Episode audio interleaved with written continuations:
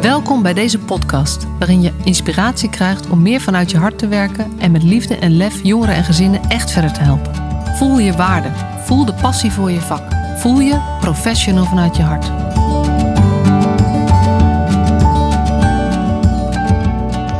Wat leuk dat je er weer bent, de Professional vanuit je hart podcast en alweer aflevering 67 vandaag. Je gaat luisteren naar een gesprek dat ik eerder had met René Peters. Ik was uh, te gast in zijn podcast. En uh, ik heb even zijn intro eraan vast laten zitten, want uh, dan weet je een beetje wie hij is. Hij is Kamerlid voor het CDA en al heel lang betrokken in het jeugdveld. En um, nou ja, in de week dat ik dit, dit opneem is er ontzettend veel gepubliceerd aan, um, over de jeugdzorg, over de jeugdbescherming met name. De documentaire op Goede Moeders, het rapport van het IGJ. Um, dingen die naar boven komen van, over uh, verschillende organisaties. Uh, en het maakt, um, nou, het, het beraakt mij, het maakt me ook verdrietig. Ik, het, het geeft me ook een gevoel van wow, het is, er is veel aan de hand en waar moeten we beginnen? Dus ik hou ervan om het, om het klein te maken. En in het gesprek dat ik met René heb, vraagt hij ook naar wat mijn visie daarop is. En ehm, nou ja, ik was er aan terugluisteren en ik dacht, het is best leuk om naar te luisteren. Het is wel inspirerend en het is volgens mij ook haalbaar om gewoon in het klein te gaan doen. Want um, ik raak het spoor bijster en de hoop kan een beetje vervliegen. Zelfs uh, als ik uh, alle uh, heftigheid van de afgelopen weken en de afgelopen maanden goed tot me door laat dringen. En voor mij is de enige uh, het enige antwoord daarbij, de enige oplossing daarmee om te gaan, is maak het klein. Kijk naar wat jij wel kunt doen en op welke manier jij uh, nog steeds of juist nog meer betekenis kunt geven voor die ene jongere of dat ene gezin waar je mee werkt. En uh, realiseer je, uh, ook al wordt er over onze hoofden heen ontzettend veel gediscussieerd, gepraat, meningen over het stelsel, over de organisatie, over de GI. Um, en dat is allemaal, um, ik vind het moeilijk, ik vind het pijnlijk om uh, te horen en ook om op te reageren. Maar uh, als je het klein maakt, dan kom je ook weer terug in je eigen cirkel van invloed. En dan kan je ook weer terugkomen bij wat voor jou er echt toe doet. En uh, nou ja, ik hoop dat deze podcast je daar een klein beetje bij, bij kan helpen en een beetje toe inspireert. Ik wens je een hele fijne week en tot de volgende keer. Mijn naam is René Peters. De afgelopen tien jaar ben ik bezig geweest met de jeugdzorg. Eerst als adviseur, toen als wethouder en nu als Tweede Kamerlid. In deze podcast ga ik in gesprek over allerlei aspecten rondom de jeugdzorg. Om te komen tot praktische handvatten om de zorg voor onze jeugd te verbeteren. Welkom bij Peters Podcast. Welkom bij deze podcast. Ik uh, spreek vandaag met Masha Struik. Zij is uh, jeugdwerker, daar vooral heel veel ervaring in. Is uh, inspirator, spreker, trainer, ondernemer. Um, en voor we verder gaan, Masha, zou jij jezelf nog verder kunnen voorstellen? Ja, zeker René. Dankjewel voor de uitnodiging. Leuk om te gast te zijn in je podcast. Um, uh, ik ben inderdaad alles wat je uh, hiervoor vertelde. Ik doe van alles en nog wat. Maar de meeste tijd ben ik bezig met het inspireren en trainen van professionals in de jeugdzorg. Om hen te helpen om binnen hun dagelijks werk, binnen de huidige situatie, want er is nogal wat aan de hand, zoals we allebei weten. om steeds te kijken naar wat kun jij nou ook op dit moment voor verschil maken in het leven van de jongeren en de kinderen en de gezinnen waar je voor werkt. -hmm.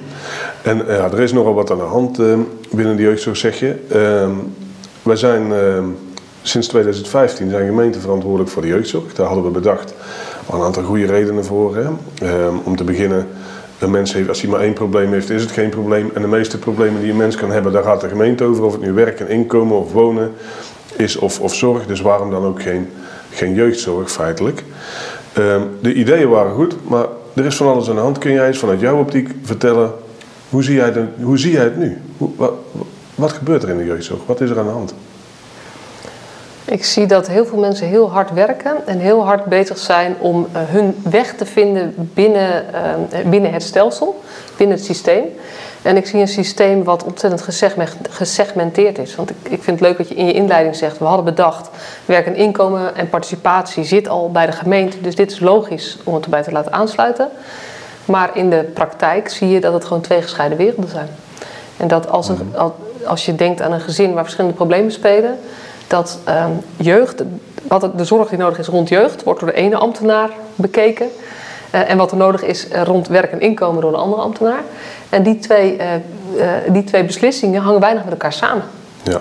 En het gevolg daarvan is dat, dat iedereen een beetje op zijn eilandje zit. Dat de, de mensen die echt in de, in de problemen zitten, met heel veel verschillende mensen te maken krijgen. Omdat je voor ieder probleem eh, op een andere plek hulp moet vragen. ja.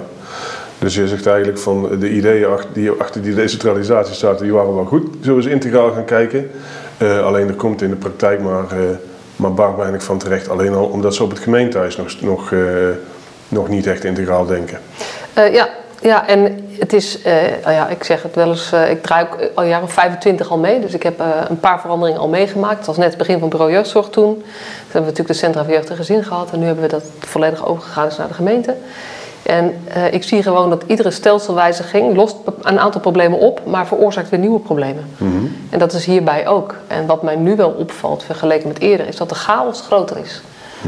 Dan dat ehm, eh, vanuit de zorgaanbiederskant, van de hulpverlenerskant, eh, zij te maken krijgen met verschillende gemeenten, met verschillende systematieken, verschillende codes, waar ik mensen dan veel over hoor. Eh, en dat het gewoon ook administratief uitzoeken is, waar woont dit kind, waar valt hij onder, dus welke regelingen gelden dan? Eh, maar ook vanuit de, eh, de optiek van de gemeente, die hebben met zoveel verschillende partners te maken, dat die ook aan het zoeken zijn met hoeveel ruimte geven we, hoeveel willen we controle hebben, hoeveel vrijheid geven we. Want wat helpt nou het beste om problemen te laten oplossen? Ja, de laatste, daar komen we waarschijnlijk nog wel, eh, nog wel even over te spreken, want dat kan vol- volgens mij ook echt wel anders. Ehm, ook binnen deze, maar je, stelling is in ieder geval helder. Ehm, we kunnen stelsel wijzigen wat we willen. Dat lost misschien bepaalde dingen op, andere, maar je creëert ook weer andere problemen. En in dit geval maak je het ook eh, bijzonder ingewikkeld, omdat het versnipperd wordt met heel veel aanbieders en heel veel gemeentes die elkaar maar moeten zien te vinden met al hun regelingen. Dat valt niet altijd mee, dat blijkt dan weer. Ehm, jouw perspectief is eigenlijk het perspectief van de professional, hè? Van, de, van de jeugdwerker, zullen we maar even zeggen. Iemand die, het, die er verschil moet maken bij de, eh, bij de gezinnen thuis. Wat merken die daarvan, van deze ja, ingewikkeldheid? Nou, en waar zij heel veel last van hebben, en dat, dat zijn dan de professionals bij de, bij de zorgaanbieders, waar ik veel mee te maken heb, eh, dat is dat ze eigenlijk voor iedere cliënt, voor iedere jongen, voor ieder gezin uit moeten zoeken hoe zit het hierbij. En dat ze voor een gevoel ontzettend veel tijd kwijt zijn, of niet alleen gevoel, gewoon echt veel tijd eh, kwijt zijn aan verantwoording van wat ze dagelijks doen. En wat ik merk is dat mensen daar heel gefrustreerd over zijn. En eh, dat het niet altijd productief is, die frustratie. Dus eh, ik, ik, ik zie dat er veel frustratie in het veld is over, over het stelsel. En dat er daarmee ontzettend veel energie weglekt. ehm, en er best wel een nou ja, een negatieve sfeer kan ontstaan. Ja. Waar ook mensen eh, hun werk niet meer leuk vinden. Ja. Nou, en het is niet voor niks dat we zien, het verloop is mega. Mensen zijn snel uitgeblust. We hebben hoge verzuimcijfers en we hebben veel uitloop. Ja, dus, nou, dat is, dus je hebt een systeem, dat is ingewikkeld. Doordat het heel ingewikkeld is, gaan, eh, wordt er, worden er op zich gekke dingen gevraagd van de professional. Iets te veel verantwoordingen, iets te veel uitzoeken en dat frustreert, worden ze ziek van. Gaan, wordt, en wordt het verloop groot en worden de problemen ook groter. En degenen die blijven zitten, die zullen nog meer moeten schrijven waarschijnlijk. Ja, ja, ja en, en wat ik het belangrijkste wat ik zie gebeuren is dat eigenlijk professionals heel ver afkomen te staan van waarom zij ooit voor dit werk gekozen hebben. Dus ik heb, eh, ik heb een boek geschreven, in 10 stappen professional vanuit je hart. Dat is ook een beetje mijn term, professional vanuit je hart. Eh, en daar schrijf ik ook dat ehm, voor mijn gevoel zijn veel professionals eigenlijk het contact met zichzelf kwijtgeraakt. Door, en dat is het stelsel niet de enige oorzaak voor, maar het is wel binnen dit stelsel dat dat ook gebeurt, omdat er zoveel externe factoren zijn. En als dat gebeurt, dan ehm, eh, worden mensen ongelukkig, worden professionals ongelukkig. En geluk, ongelukkige professionals kunnen niet zulke goede hulp bieden als gelukkige professionals. Dus als ik het heel simpel maak, denk ik dat we wat we toe zouden moeten naar dat professionals weer meer het gevoel hebben dat ze kunnen doen waarvoor ze gekozen hebben. En ik vertaal dat dan in dat ze weer meer in verbinding zijn met zichzelf, wat hun eigen waarden zijn, wat ze willen betekenen voor anderen. Ehm, en ik denk dat daarbij een stukje ligt in stelsel, maar ik denk dat er ook een groot stuk ligt bij mindset van professionals. Om te kijken naar wat, waar ligt. Dat, dat is allemaal zo, die vervelende dingen waar wij drie uur vol over kunnen praten, maar waar ook zo'n professional niet direct eh, invloed op heeft. Dus ik zou veel liever willen kijken naar wat is nou een stukje waar je wel invloed op hebt. En hoe zorg je dat jij het weer leuker gaat maken. Ja. Je zegt van eh, de tijden kunnen slecht zijn, maar uiteindelijk zijn de tijden wat ze zijn. Zou Augustinus zeggen. Het gaat erom wat jij ermee doet. eh, Ja, met- ga uit van de realiteit, ga uit van hoe het is. En laat vooral niet te veel energie weglekken door je daarover te frustreren. Maar richt je op die dingen waar je wel invloed op hebt. Ja, iedereen die dit, die dit nu hoort, die denkt inderdaad. Maar hoe? want, want je, dus ik stel me voor dat, dat nu een, een, een jeugdwerker, die, eh, die is net klaar met tijdschrijven, zullen we maar zeggen. En die is gefrustreerd in een hoek. En nu gaan wij hier zitten zeggen... Ja, oké, de, de, omstandigheden zijn niet altijd, altijd simpel, maar uh, kom eens terug bij je goede gevoel, bij je hart, bij je passie. Hoe gaat, hoe gaat zo iemand dat doen? Ja, voor mij begint het uiteindelijk met een besef dat, je, ehm, dat, je, dat jij degene bent die bepaalt hoe je je voelt. Dus uh, ik ben dan, ja, het is een beetje een stuk persoonlijke ontwikkeling. Het gaat over, over zelfleiderschap of allemaal dat soort uh, moderne kreten. Maar het gaat wel over dat je beseft, ik ben verantwoordelijk voor mijn leven. Mm -hmm. En ik ben dus ook verantwoordelijk voor niet zozeer de omstandigheden van mijn werk, maar wel wat mijn werk met me doet. En wat ik eruit haal en wat het me oplevert en wat ik daarin kan betekenen. Mm -hmm. En um, door die frustratie is eigenlijk weggelekte energie. En dat is allemaal aandacht die je vaak geeft aan dingen die buiten jezelf liggen. En ik zou eigenlijk pleiten voor veel meer aandacht weer naar jezelf toe. Dus ik zou eigenlijk willen dat professionals minder praten over het stelsel. Op een bepaalde manier minder praten over de gezinnen en meer praten over zichzelf. Oké. En hoe gaan we dat faciliteren dan? Marcel, ik denk dat zo'n aanbieder die uh, uh, een zorgaanbieder of een ondernemer, het is maar net hoe je ze, hoe je ze nou uh, gaat noemen en ook wat de houding van die mensen is, um, die heeft een groot verlopend personeel, die zit ook met diezelfde situatie. Um, en die heeft chagrijnige mensen in dienst, die daardoor dus ook minder goed hulp kunnen bieden. Daar heb je, ik denk dat dat dan wel klopt. Hoe gaat hij dit gesprek faciliteren? Of wat zou een gemeente kunnen doen? Mm, ik haak een beetje op dat je zegt hoe kan de werkgever dit faciliteren, omdat ik denk dat is dat het verkeerde begin. Goed. Weet je, tuurlijk moeten we kijken wat kunnen organisaties daarin doen. Maar ik vind dat, uh, dat er. Dat we houden elkaar soort gevangen in, een, in de dramadriehoek. Mm -hmm. We houden elkaar gevangen in een soort gevoel van slachtoffer zijn van de omstandigheden. Professionals kunnen dat ook zo voelen. Ik kan niet anders, want het stelsel is nu eenmaal zo. Maar dat is wel jezelf heel erg afhankelijk maken van de buitenwereld. En dit gaat volgens mij niet zozeer over hoe het gefaciliteerd wordt, maar het heeft veel meer te maken met welke keuzes maak jij en um, hoe zorg je dat je ruimte hebt om te doen wat voor jou belangrijk is. Ja. En dat kan nog steeds, want ik ken professionals die dit wel doen. Ik, iedereen zal professionals kennen die nog steeds vrolijk naar hun werk gaan en die met energie rondlopen en die uitzonderingen maken en die, die uh, lekker werken met gezinnen. Ja, en die vinden tijdschrijven ook stom. Maar het is maar net waar jij de, de aandacht en energie naartoe laat gaan. Ja, het is eigenlijk grappig, want wat jij vertelt over de professional, kan ik ook vertellen over uh, de wethouder.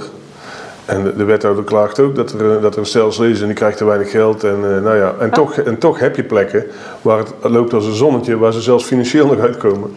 Ja, ik, uh, ik geloof dus echt dat, dat, uh, dat is ook wel een beetje mijn visie op het veld. Mm. Dat, dat ik weet niet of je de drama-driehoek kent. Dat nou, gaat over ik die, ken hem, maar leg hem toch maar even uit. Ja, het gaat over dat je drie posities hebt eigenlijk. Je kan, je kan een positie hebben van een slachtoffer, met slachtoffergedrag. Help, help, help. Het ligt niet aan mij en jij moet oplossen. Je kan de aanklagersrol pakken en um, betekent dat je eigenlijk boos bent op anderen dat het is wat het is. Of je kan in de redderspositie stappen en eigenlijk uh, zeggen: joh, weet je, als jullie niet weten hoe het moet, dan, kan, dan doe ik het wel. Ik heb een beter idee. Mm-hmm.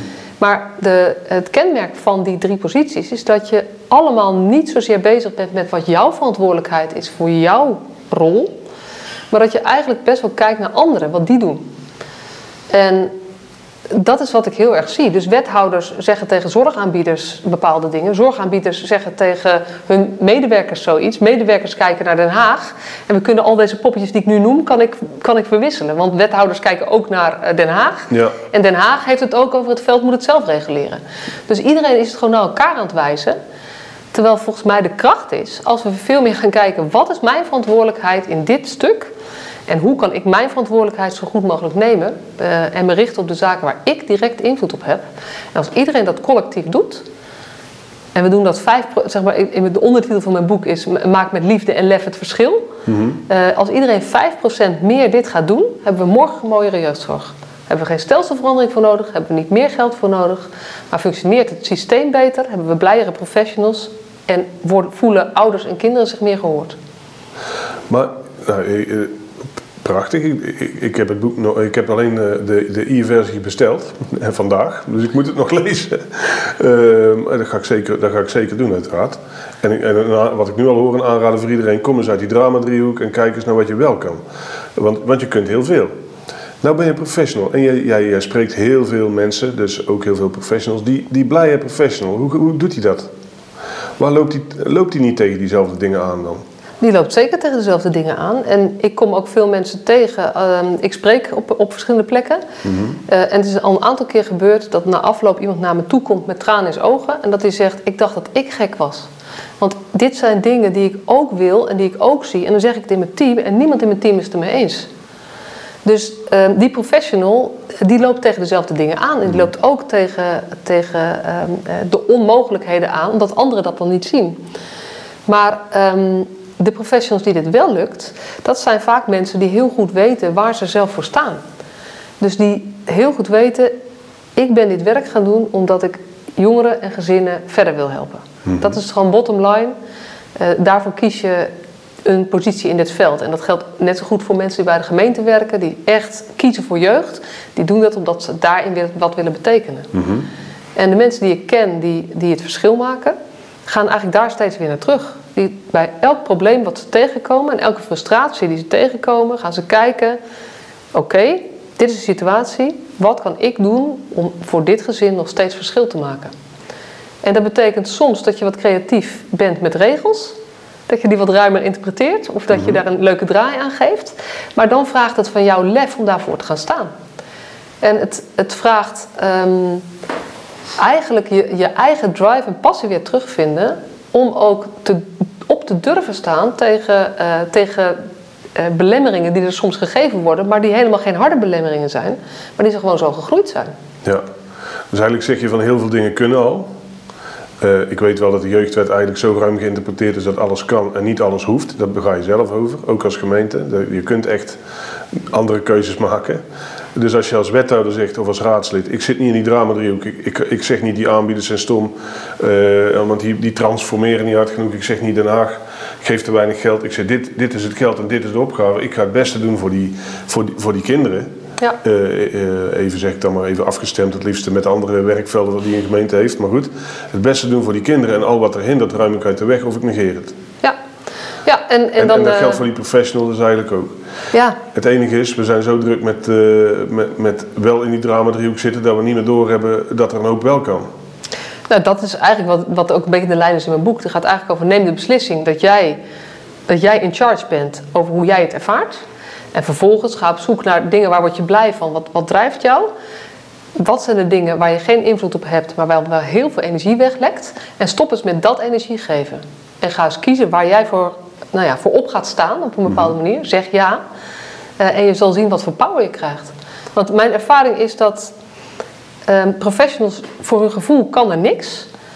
Totdat ze rond een bepaalde casus, de mensen die, die met die casus te maken hebben, rond de tafel zetten en zeggen: Jongens, als we hier nou een afstandje naar kijken, even, het gaat niet om zwarte pieten, maar als we toch kijken, dan is dit toch wat er nodig is voor dit gezin. Zijn jullie het ermee eens?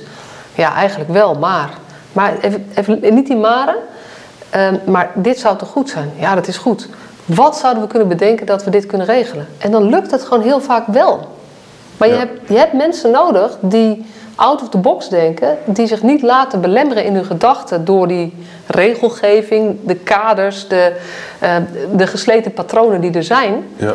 En die daarover durven te sparren zonder met hun vinger te wijzen naar de rest. Ja, ik denk overigens heel vaak, eh, we hebben het over de regelgeving, maar ik heb me daar maar wel in proberen te verdiepen. Het is niet de regelgeving, maar het zijn wel de ingesleten paden. Ja, Eh, ik hoorde het mezelf zeggen ja. en ik heb er hem nog toegevoegd. Het, Ja, zijn, eh, het ja. is hoe het gaat. En we, we laten ons gevangen houden. We worden niet gevangen door het systeem, maar je laat dat zelf toe op een bepaalde manier. En daar zit ook direct de kracht. Als, als het je lukt om dat te draaien bij jezelf, dan creëer je gewoon mogelijkheden. En helpt het dan om, eh, om daar eh, bepaalde succeservaringen bij te hebben, dat die, te, die te delen? Ik kan me voorstellen, ik heb, hebben hier eh, een podcast gehad met Ilke Blokken van het Instituut voor Publieke Waarden, zeg maar. Die zegt ook van ja, heel veel dingen kunnen. En als we gewoon met een aantal professionals even met een afstandje naar een casus kijken, dan weten we exact wat er moet gebeuren. En, dat, en, en we kunnen dat ook doen. Ja. Als we dat delen en groter maken, dan moet dat toch blij maken, zou je zeggen? En dat is ook wel een beetje mijn, ja, voor zover een strategie kan hebben. Ik heb echt als missie, ik wil de jeugdzorg liefdevoller en gelijkwaardiger maken door professionals te helpen meer vanuit hun hart te werken. En ik ga het dus niet hebben over degenen die dat niet doen, maar ik wil de mensen die, hier, die zich hierdoor aangesproken voelen helpen om zich hier meer over uit te spreken. Want er zijn mensen die het doen, maar heel veel doen dat gewoon of onbewust bekwaam. Ja. Of vinden het spannend om zich uit te spreken omdat ze geen zin hebben in de negatieve reacties. Uh, of um, uh, ze voelen het wel, maar ze durven het niet te zeggen. Dus ik denk mensen moeten gewoon gaan kijken waar word jij blij van en hoe krijg je dingen voor elkaar. En ga die vooral delen met je collega's. Het gaat niet om mijn waarheid. Het gaat om dat de praktijk laat zien dat als je uh, als professional iets voor elkaar krijgt voor een gezin wat echt helpt, ben, is niet alleen het gezin blij, maar ben jij zelf ook blij. En als je het aan je collega's vertelt, worden die er ook blij van. En de organisatie wordt blij en de wethouder wordt blij. Ja. En daar kunnen wij zelf iets in doen. Ja. Overigens, uh, overigens grappig, want uh, ik heb ooit iemand uh, gesproken en die zei: ehm, lelijkheid is besmettelijk, maar liefde ook. Ja. Dus als, als je met liefde je werk doet, dan beïnvloedt dat ook degene naast je. En, en in die, die zou eigenlijk daar, daaraan doordenken: het is niet eens de vraag of jij dat moet doen, het is, het is je dure plicht. Je bent hier. ja. Ja, en ik wil, weet je, ik, ik formuleer dat wat anders. Ik, ik zie dat wel, dat, dat is wel je, uh, dan neem je echt je beroepseer. Dit, dit is ook gaan staan voor wie je bent, waar je in gelooft en wat je kunt. Mhm. Mm -hmm. Maar ga vooral ook delen hoe je dat doet. En daarmee besmet je letterlijk anderen. Dus ik ben ook wel bezig met gewoon, ik, ik heb heel veel connecties met mensen die verschil maken op hun eigen plek, op hun eigen manier. Um, om die weer met elkaar te verbinden. Omdat je gewoon ziet, als er één iemand binnen zo'n team ziet die dit gaat doen, gaan anderen meedoen. Dan gaan anderen meedoen, ja. Dat denk ik eigenlijk ook. Um, maar nu, nu luister ik dit als professional en ik, ja, ik laat het even tot me doordringen. En ik denk dan inderdaad van ja, weet je, ik ben diegene die het verschil maakt. Als ik dat niet zeg, dan groeit het niet. Dus ik ga het zeggen, ik laat het groeien. Ik kan ook professional zijn die, die, die, dit hoort en die denkt... Uh, nou, ik ben eigenlijk een klein beetje verzuurd aan het mopperen. Daar stop ik in ieder geval mee, want ik maak het lelijker in mijn omgeving. En het was toch de bedoeling dat ik hier voor de jongen het mooiste zou maken. Dus, uh, uh, maar nu hoor ik het als, als gemeenteraadslid. En ik zit, en, zijn er nou nog dingen of vragen die ik zou kunnen stellen? Of werkbezoeken die ik zou kunnen afleggen? Of kan ik een, een, een netwerk creëren binnen, binnen mijn gemeente? Wat, kan ik, wat, wat zou je doen als je raadslid was? Heb je daar, uh, is een beetje out of the box denken voor iemand die echt met de jeugd is, maar die tip kunnen we wel geven, denk ik. Ja, en ik heb, ik heb ook wel met gemeente mensen te maken, hoor. niet de raadsleden, maar wel. Uh, nou, um, ik denk als raadslid, je kan natuurlijk ook als raadslid twee dingen doen. Je moet niet je ogen sluiten voor wat er misgaat. Dus natuurlijk moet je daar ook op ingaan, moet je ook serieus uh, nemen. Uh, maar wat je als raadslid zeker ook kunt doen, is steeds weer terug naar wat is nou de bedoeling van wat we uiteindelijk willen bereiken. En um, ook vragen naar positieve voorbeelden. Dus vraag, zeg maar, als je een keer op werkbezoek gaat ergens, ga niet vragen, hé, hey, waar lopen jullie nou tegenaan? Maar vraag nou, kan je een voorbeeld geven van een casus waarin het echt goed gewerkt heeft? En zijn er nou uitzonderingen die daarvoor nodig waren om dat te laten werken? En hoe heb je dat voor elkaar gekregen? Want je moet als raadslid ook weten wie er binnen jouw gemeente, dus binnen je uitvoeringsapparaat, zitten ook van die, uh, ik noem het maar even lichtjes. De mensen in het veld weten precies wie ze bij de sociale dienst moeten hebben als ze met een ingewikkeld gezin te maken hebben. En welke collega bij de sociale dienst vooral niet. En daar kan je ook binnen, je kan als raadslid ook binnen je eigen uitvoeringsorganisatie bevorderen dat er buiten de lijntjes gekleurd wordt. Dat is ook nog een tip voor de gemeentesecretaris, zeg, die, die, die dit hoort en die denkt: als ik mijn ambtenaren ga trainen, dan, dan ga ik, uh, ik laat ze elkaar trainen. Heel leuk. En, en ga gewoon op zoek naar de mensen. Ja, ik maak het heel simpel, het liefst. We hebben gewoon positiviteit nodig. We hebben positiviteit nodig en eigenaarschap. Mm -hmm. Dus ga nou eens op zoek naar mensen in jouw organisatie, of als je professional bent, of in je team, of in je afdeling, of binnen je gemeente, of binnen je uitvoeringsapparaat. Ga nou eens op zoek naar die mensen waarvan iedereen zegt van hé, hey, dat is eigenlijk iemand die krijgt veel voor elkaar. Ja. Met jongeren, met gezinnen, met, met, met, vaak ook met ketenpartners. En ga daar eens naar kijken, wat doet hij nou? Ja. Ik denk als ik gemeenteraadslid was, dan zou ik zeggen, ik, uh, ik vraag aan mijn wethouder om, uh, om in het veld tien mensen uh, in deze zaal te brengen. En tien mensen die, die zeggen, dit kon niet en het is me toch gelukt. Ja. dit, dit, dit kon niet volgens. En, en, als dan, en, en dan gaan we maar eens even uitleggen ehm, eh, hoe je dat dan hebt gedaan. Daar kunnen we ehm, van leren en, en systemen van leren van oké, eh, hoe gaan we buiten die lijntjes kleuren. En dan kunnen wij wel zeggen als gemeenteraad, dit was inderdaad de bedoeling. Ja, Zo ik, wil ik het. ik denk dat het daarover gaat. Ik denk dat we elkaar kwijtraken doordat we niet meer praten over wat de uiteindelijke bedoeling is. Maar dat we elkaar kwijtraken omdat we het bijvoorbeeld niet eens zijn over de oplossing. Of omdat de oplossing niet helemaal gaat zoals we dat gewend zijn. En ehm, dit hangt een beetje samen met wat mijn visie is op jeugdzorg. En waar ik ook denk dat voor de gemeente heel veel winst te halen is. Vertel. Ehm, ik vind dat er veel te veel korte termijn gedachten gekeken wordt. Met name bij jeugd. Dat er heel erg gekeken wordt, wat is er nu aan de hand in dit gezin? Wat is nu het probleem met dit kind? Wat moeten we nu inzetten om de problemen die er nu zijn op te lossen? Maar waar we veel te weinig naar kijken en waar voor mijn gevoel gemeente de, winst, de gemeentelijke winst vooral in zit, is ga het nou eens levenslooplang bekijken. Ga nou eens kijken, ditzelfde kind, als die 25 is, hoe zorg ik er nou voor dat niet alleen dit probleem in het hier en nu wordt opgelost, maar ook dat hij een betere basis mee heeft gekregen, zodat we niet, als hij straks zelf kinderen heeft in dezelfde leeftijd, precies hetzelfde patroon hebt. Ja. En dan heb je het over ehm, eh, het gedoe over de 18 min 18 plus. Ik zou überhaupt zeggen, ik vind het een non-argument. Want we weten al, al, al jarenlang dat het kind 18 wordt. Dus hoe kan het dat je je daardoor laat overvallen? ja, dat zie je wel aankomen. Ja, dat zie je een soort van. Ja. En ik vind echt dat, dat korte termijn denken, dat doet, dat doet iedereen. En ik moet zeggen dat de bekostigingssystematiek van dit moment dat heel erg stuurt op korte termijn. Eh, en we hebben mensen binnen de gemeente nodig die verder durven kijken. En die ook durven kijken hoe ver, ehm, eh, wat, de keuzes die we nu maken, hoe zorgen we ervoor dat dat op lange termijn ook echt verschil maakt. Ja, eigenlijk wel. ehm, ja, de- de- de- dit, dit hebben we vaker in de, in de podcast gehoord. Zeggen van, het gaat hier niet om iemand met een diagnose, een probleem of een bepaalde leeftijd. Het is gewoon een burger van mijn gemeente. Dat. En die moet, die moet op alle vlakken duurzaam door het leven. Eh, Ja. eh, Daar moeten we toch eens een, eh, Ja. een integrale visie op gaan bedenken. In plaats van ehm, eh, te zeggen, we gaan van trajectje naar trajectje tot die 18 is en dan niks meer.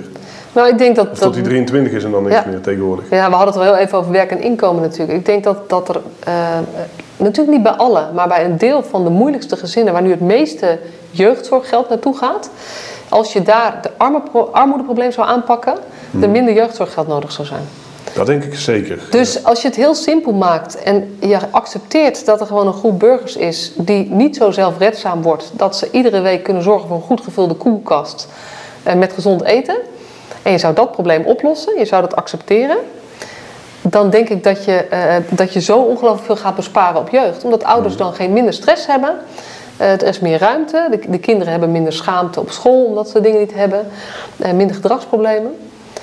En nou ja, Ja, je hebt, ik denk eigenlijk, je zegt van, dat, daar heb ik ook wel eens vaker gedacht, als we de participatiewet het meenemen, werk en inkomen, dus gewoon bezorgen dat mensen goed kunnen wonen en dat ze hun, ja, hoe noem het, eerste levensbehoeften gewoon fatsoenlijk hebben gevuld, Ja. dan scheelt dat een hoop symptomen die we nu met jeugdzorg aan het bestrijden zijn. En ik denk zeker als je naar de jeugdbescherming kijkt. Ik, ik, heb, eh, eh, ik spreek veel ervaringsdeskundigen. Ik heb ook een heel aantal ouders gesproken. Nou, dat weet jij ook. Dat er zijn veel ouders die eh, echt niet tevreden zijn en niet blij zijn met hoe het gaat in de jeugdbescherming. En voor mijn gevoel heeft dat hier een beetje mee te maken. Omdat we bij die, als de jeugdbescherming eh, in beeld komt, gaat het heel erg sec over hoe gaat het nu met het kind en is het kind nu veilig. Terwijl ik denk, het gaat over veel meer dan dat. Hoe komt het dat er nu iets aan de hand is? En ehm, het gaat vaak niet over opvoedvaardigheden. Nee. Het gaat heel vaak over andere problemen, waardoor deze ouders niet in staat zijn om voor hun kinderen te zorgen. Ja.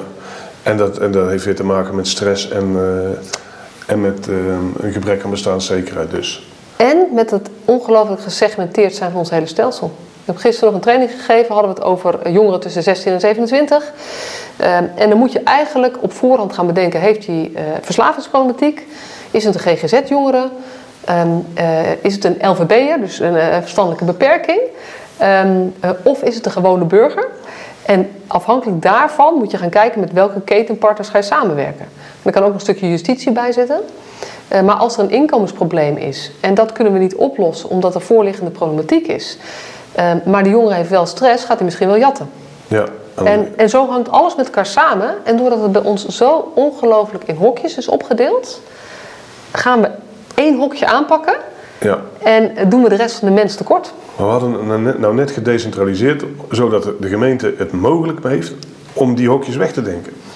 Dus jij zegt hier, laten we nou, als we nou toch die tien, eh, die tien mensen uit het veld die, eh, die we net eh, in, de, in de gemeenteraad hadden uitgenodigd om te vertellen hoe ze het onmogelijke mogelijk hadden gemaakt. Dan, en die mensen kunnen dat, dan kunnen ze ons ook wel even leren van ik heb hier een ingewikkeld gezin. Ehm, leg eens even uit hoe ik deze kinderen ook, eh, hoe, hoe ik dat moet doen. Ik zou dat vooral doen. En ik zou bijvoorbeeld ook de volwassen GGZ en de volwassen verslavingszorg eh, erbij gaan halen. Want ouders met GGZ-problematiek, daar is heel vaak jeugdzorg bij. Maar dat, zijn, is niet, dat is niet één plan, dat zijn twee verschillende plannen. En daarin eh, missen we elkaar. En daarom is, ja, dat is eigenlijk vrij simpel. Dus, oh, dus jou, jouw verhaal op volgen, dan probeer ik het voor mezelf samen te vatten. Je zegt, integraal kijken, daarmee begonnen we. Dat was de bedoeling dat we eh, gingen kijken, ik heb hier een burger en een situatie. Die gaan we duurzaam, duurzaam door het leven helpen. Nou, dat heeft te maken met werk en inkomen, heeft te maken met wonen. En heeft te maken met als je GGZ hebt en jeugd, maak er nou eens één plan van. Maar goed, dat is één ding. Daarvoor heb ik mensen nodig die buiten die hokjes kunnen denken, die we zelf bedacht hebben. Er zijn er een boel die dat kunnen, maar die houden hun mond. En er zijn er een boel die, die de gebaande paden lopen en die gefrustreerd rondlopen. Ik ga even heel kort door de bocht, want, en alle gegrijstinten ertussen natuurlijk. En je zegt, als we nou die, die, eh, die pareltjes pakken. Je zegt, de paden zijn zoals ze zijn, de tijden zijn zoals ze zijn. Jij kunt het verschil maken. Blijkbaar maak je dat, leer dat mij. Is dat wat, dan is dat, eh, dat wat we moeten gaan doen. En, en verder zeg je, alles wat je aandacht geeft groeit. En als dat de negatieve dingen zijn, dan, ja, dan binnen no time praat je elkaar de put in. Maar zijn het die lichtpuntjes, dan maak je elkaar eh, blij en, eh, en beter. De- hele mooie samenvatting. En ik denk vooral dat, het, ehm, dat, dat dit zorgt voor een verbetering die morgen al zichtbaar kan zijn. Ja, ja dat is wel de mooie. Hè? Je kunt, als je weet waar je naartoe wil, kun je, hoef je, de, kun je de, de trein pakken of de auto. Maar je kunt in ieder geval een eerste stap zetten die richting op. En het, eh, ik heb zeg in mijn trainingen heel vaak, het gaat niet om radicale ommezwaai. Ga nou eens 5% meer liefde en lef hebben. Ga eens 5% meer je focussen op dingen waar je wel invloed op hebt en verschil maken. En als we dat collectief doen, hebben we echt morgen een mooiere wereld. En dat vind ik een mooie. eh, eh, mooie ik vraag altijd op het einde van de podcast, als ik eraan denk, om een mooie slagzin. Ik denk als ik jouw slagzin zou beginnen, is met 5% meer liefde en lef.